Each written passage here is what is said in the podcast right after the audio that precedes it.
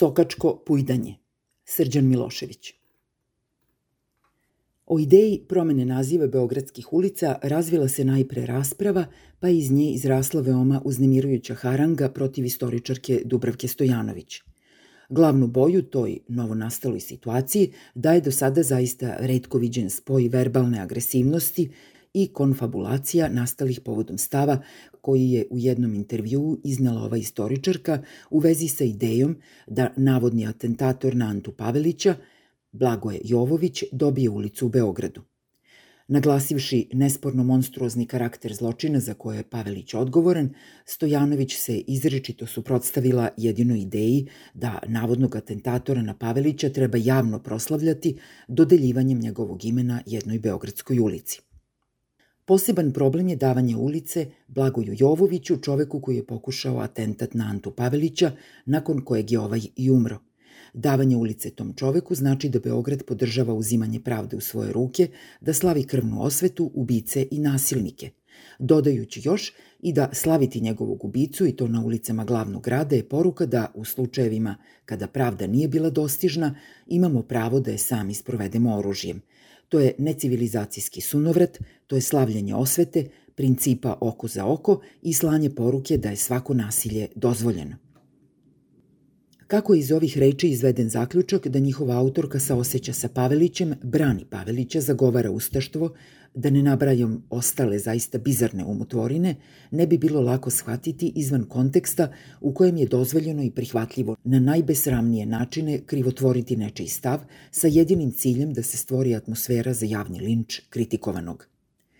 Nepotrebno je, nadam se, objašnjavati da Dubravka Stojanović ovde pod jedan nije načinila niti jednu referencu na lični odnos prema Pavelićevoj sudbini, a pripisuje se tobožnje saosećanje, pod dva – zauzima načelan stav koji odbacuje atentat i uopšte nasilje kao oblik borbe za pravdu i najvažnije pod tri, nedvosmisleno osuđuje glorifikaciju, slavljenje i komemorisanje atentata i atentatora, što, prema njenom shvatanju, predstavlja rđavu društvenu praksu sa negativnim i potencijalno veoma opasnim društvenim posledicama – Ništa u iznetom stavu ne vodi zaključku da Stojanović, makar i ne hoteći, staje na stranu ustaških zločinaca ili pak sa njima saoseća. Što se tiče odnosa prema Paveliću, svaka insinuacija da bilo ko od istoričara, intelektualaca ili pojedinaca uopšte, leve ili liberalne orijentacije, ima simpatije prema bilo čemu što on personifikuje, maligna je podlost i najnedostojnija provokacija – Takve optužbe su sokačko pujdanje i intelektualno samodiskreditovanje najnižeg ranga. U pogledu načelnog odbacivanja nasilja kao sredstva postizanja pravde, u raspravi bi se moglo što šta nijansirati, ali to ostavljam za neku drugu priliku. Konačno, ostaje pitanje opravdanosti oficijalnog pozitivnog vrednovanja kroz razne oblike javnih priznanja, nasilnog akta kojim se pravda uzima u svoje ruke, onda kada je drugim načinima nedostupna.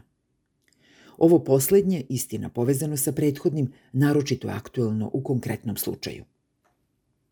Na načelnom nivou neminovno se otvara pitanje šta je sadržaj pojma pravde univerzalno ili u konkretnom kontekstu. Pošto ovo nije ni povod ni mesto da se ta tema naširoko razvija, potrebno je samo reći da će taj sadržaj zavisiti od filozofskog i ideološkog modela koji se usvaja kao intelektualna, odnosno politička platforma – Jasno je da će revolucionarna platforma nasilje umeti da posmatra u afirmativnom vrednostnom okviru, dok će, nazovimo to tako, nerevolucionarna nasilje odbacivati.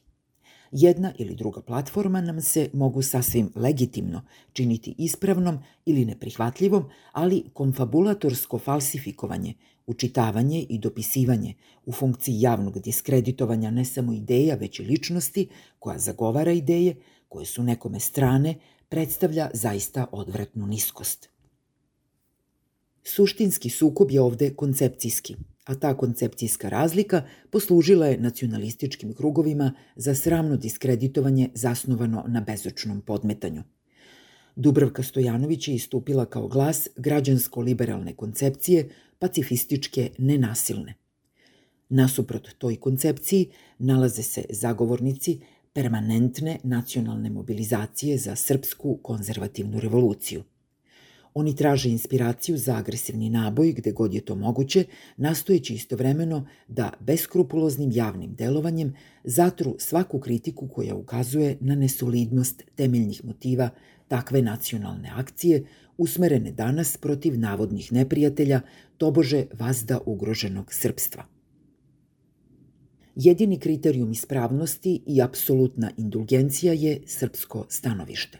Otuda će i izvesni kritički intonirani komentari ovdašnje desničarske inteligencije, usmereni ka primjera radi Nediću ili Ljotiću, često biti praćeni empatičkim razumevanjem zbog njihovog teškog položaja, a redovno neuporedivo blaži u poređenju sa otrovom koji se izliva prema onima koji ne pripadaju panteonu srbujućih. Kao indikator koliko je licemerna i podla ova tabloidno-režimska i ina nacional dušebrižnička haranga može da posluži i jedan veoma rečit primer. U delu naše javnosti, koji se sa osobitom strašću ostrvio na Dubravku Stojanović, još jednom treba podvući zbog nečega što ona nije izgovorila, naročitu i sve veću popularnost uživa Milan Stojadinović – čovek koji je baš sa Antom Pavelićem u jednom periodu emigrantskog života održavao komunikaciju, što je kulminiralo njihovim međusobnim sporazumom 1954. godine o podeli Bosne i Jadranske obale i stvaranju Velike Hrvatske i Velike Srbije. I o tom se sporazumu danas pletu razne legende kojima je cilj da se Stojedinović opravda, jer je on ipak bio srbujući, srpsko-stanovišni, pravi srpski, a ne slučajni srbin. No tom i takvom Stojadinoviću, kontroverznom još iz vremena kada se nalazi u načelu vlade Kraljevine Jugoslavije, jednom od najvećih korupcionaša međuratne epohe, sa izrazito diktatorskim sklonostima, baš je premijerka Brnabić prilikom posete Argentini položila cveće na grob – U Informeru tada nije osvano naslov koji bi uz neku raskošnu aluziju na hrvatsko poreklo premijerke sadržao, na primer, i informaciju da je Brnabić položila cveće na grob Srbina po Pavelićevoj meri ili nešto u tom stilu. Umesto toga, obavešteni smo iz provladinog tabloida samo da je Brnabić u Argentini posetila grob Stojedinovića. Takođe smo saznali da je, presedajući sa premijerske funkcije na predsedničku, Vučić svoj naslednici u Nemanjinoj poklonio knjigu o Milanu Stojadinoviću, za kojeg do tada siguran sam Brnabić nije ni čula, a za kojeg Vučić smatra da je najbolji od Srba. Ne treba posebno naglašavati da se niko od dežurnih srbujućih Srba, nacional dušebrižnika i tragača za Pavelićevim saveznicima u današnjoj Srbiji tim povodom nije kritički oglasio. Ukratko, dakle, ispada da sporazumevanje Stojadinovića sa Pavelićem u emigraciji nije za moralnu osudu, niti dovoljan razlog da se uzdrži od glorifikovanja Stojadinovića isključivo kao finansijskog genija, pa čak i najboljeg Srbina, dok stav da jednog navodnog atentatora kontroverzne ratne prošlosti nema nikakvog smisla slaviti dodeljivanjem ulice u glavnom gradu, predstavlja strašno nacionalno posrnuće. I na ovom primeru se jasno vidi da nacional dušebrižnike ne obavezuje logičnost i konzistentnost sadržaja, niti ma koji drugi obzir. Računa se samo ispravnost nacionalnog stanovišta u večnom nesvetom ratu protiv svega što nije u skladu sa zaumnom vizijom homogenizovanog svetosavskog srpstva, ujedinjenog u državoidnom zabranu, skrojenom po rašinima uskogrudog etnocentrizma u kojem nema mesta za bilo šta univerzalno. Atentat na Pavelića o kojem je ovde reč, u pojedinim komentarima upoređivan je sa atentatom na Hitlera, koji je izvršio Klaus von Stauffenberg. Ta analogija je zavodljiva i može biti najsmislenija, tim pre što, osim čina atentata na koji su se i Stauffenberg i Ovović opredelili, oba junaka imaju i vrlo problematičnu ratnu prošlost. Međutim, u istoriji je kontekst zaista sve. Stauffenberg je pokušao atentat na Hitlera kada je ovaj bio još uvek na veoma moćnoj poziciji, iako je postajalo sve jasnije da Nemačka rat gubi, što takođe treba uzeti u obzir. Eventualna pogibija Hitlera u tom trenutku imala bi dalekosežne posledice. Pa ipak teško je odupreti se utisku da je i proslavljanje Stauffenberga istini za volju u najmanju ruku problematično. Izvesnu moralnu satisfakciju zbog svog postupka zaslužuje, ali sve u čemu je učestvovao do tada, njegova nacistička uverenja i verno služenje u Wehrmachtu, uz neslaganje oko metoda, a ne oko suštine nemačke nacističke ideologije i politike, čine da je njegova istorijska uloga kao atentatora na Hitlera precenjena.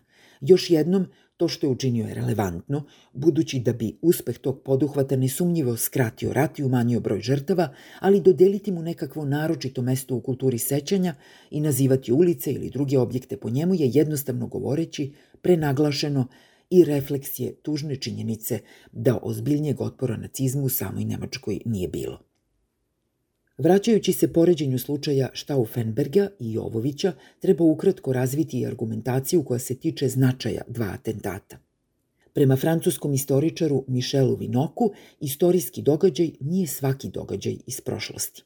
Da bi se radilo o istorijskom događaju, potrebno je da ono što se dogodilo posjeduje određene kvalitete. Iznenadnost javljanja, snažan intenzitet, širok odjek, kreativnu snagu. Ukratko, istorijski događaj posjeduje izražen značaj, sposobnost da proizvodi posledice, makar potencijalno. U slučaju atentata na Pavelića, za razliku od Stauffenbergovog slučaja, to izostaje i istorijski značaj ovog događaja je objektivno neznatan. Nijedan novi zločin nije sprečen, nijedan zločinački poredak uzdrman, nijedan dan ratnih stradanja nije izbegnut. Kao istorijska činjenica, osveta, koja je isključivo to bez ikakvog drugog dometa, nesporno može biti simpatična, ali nije čin koji treba proslavljati na način da se akteru osvetničke akcije oficijalno ukazuje čast u javnom prostoru. Nadalje, nije svejedno da li se o davanju objektima u javnom prostoru imena po određenim ličnostima i povodom njihovih postupaka odlučivalo 1880. 1950. ili se to čini 2020. Te epohe nemaju isti senzibilitet i ono što je imalo smisla i bilo normalno decenijama ranije, danas se opravdano smatra spornim, jer su vrednostni standardi, a naročito vrednostni tretman nasilnog akta, neminovno drugačiji. Konačno, mora se i dobro odmeriti da li je opravdano čak i ako simpatišemo postupak nekog osvetnika, zanemariti sveukupni kontekst pojedinca koji odlučuje da uzme pravdu u svoje ruke. Jovović je daleko od svake neupitnosti, budući pripadnik po zlu čuvenih četničkih jedinica Baja Stanišića. Neophodnost zakonitog postupanja, koje je pravilo, razume se, trpi izuzetke. Oni se naravno odnose na izuzetne prilike. Ratovi, ustanci, slom režima, revolucije kada se ovi izuzeci manifestuju kao nešto istorijski relevantno, herojsko, čak sadržeći i element požrtvovanosti. Istina, u okolnostima koje nisu izuzetne, može se takođe dogoditi da je iz čitavog niza razloga posezanje za određenim ekstra legalnim postupcima potrebno, zarad nekog pragmatičnog interesa ili interesa pravde, što je prihvatljivije. Mnogi pojedinci koji bi u pomenutim izuzetnim vremenima bili kandidati za eponimne heroje raznih objekata u javnom prostoru, angažujući se u drugačijim okolnostima na zadacima podzemnih namirenja dugova koje vrše razne tajne službe i organizacije, ostaju skriveni u senci zakulisnih državnih poslova, svesni da se po njima ništa neće zvati.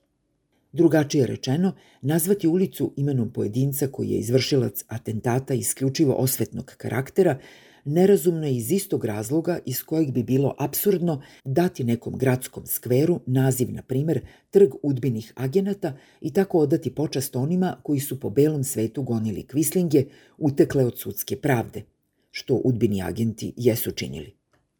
Jasno je da politička i intelektualna javnost, kojoj je etnički kriterijum bit političke legitimacije, želi nacional-revolucionarnu državu i društvo pod stalnom tenzijom i sa stalnim progonom navodnih unutrašnjih neprijatelja.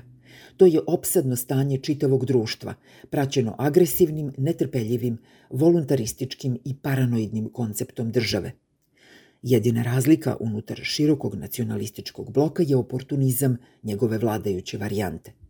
Danas je na udaru tog jedinstvenog istorijskog bloka Dubravka Stojanović, Uskoro će to biti neko drugi, ali će uvek i nepogrešivo biti prepoznat novi ljubitelj Pavelića, autošovinista samoporicatelj ili već neka druga iščašena konstrukcija koja podrazumeva da ništa što ne prihvata etnički kriterijum kao merilo svih stvari nema pravo na postojanje, još manje na slobodno izražavanje.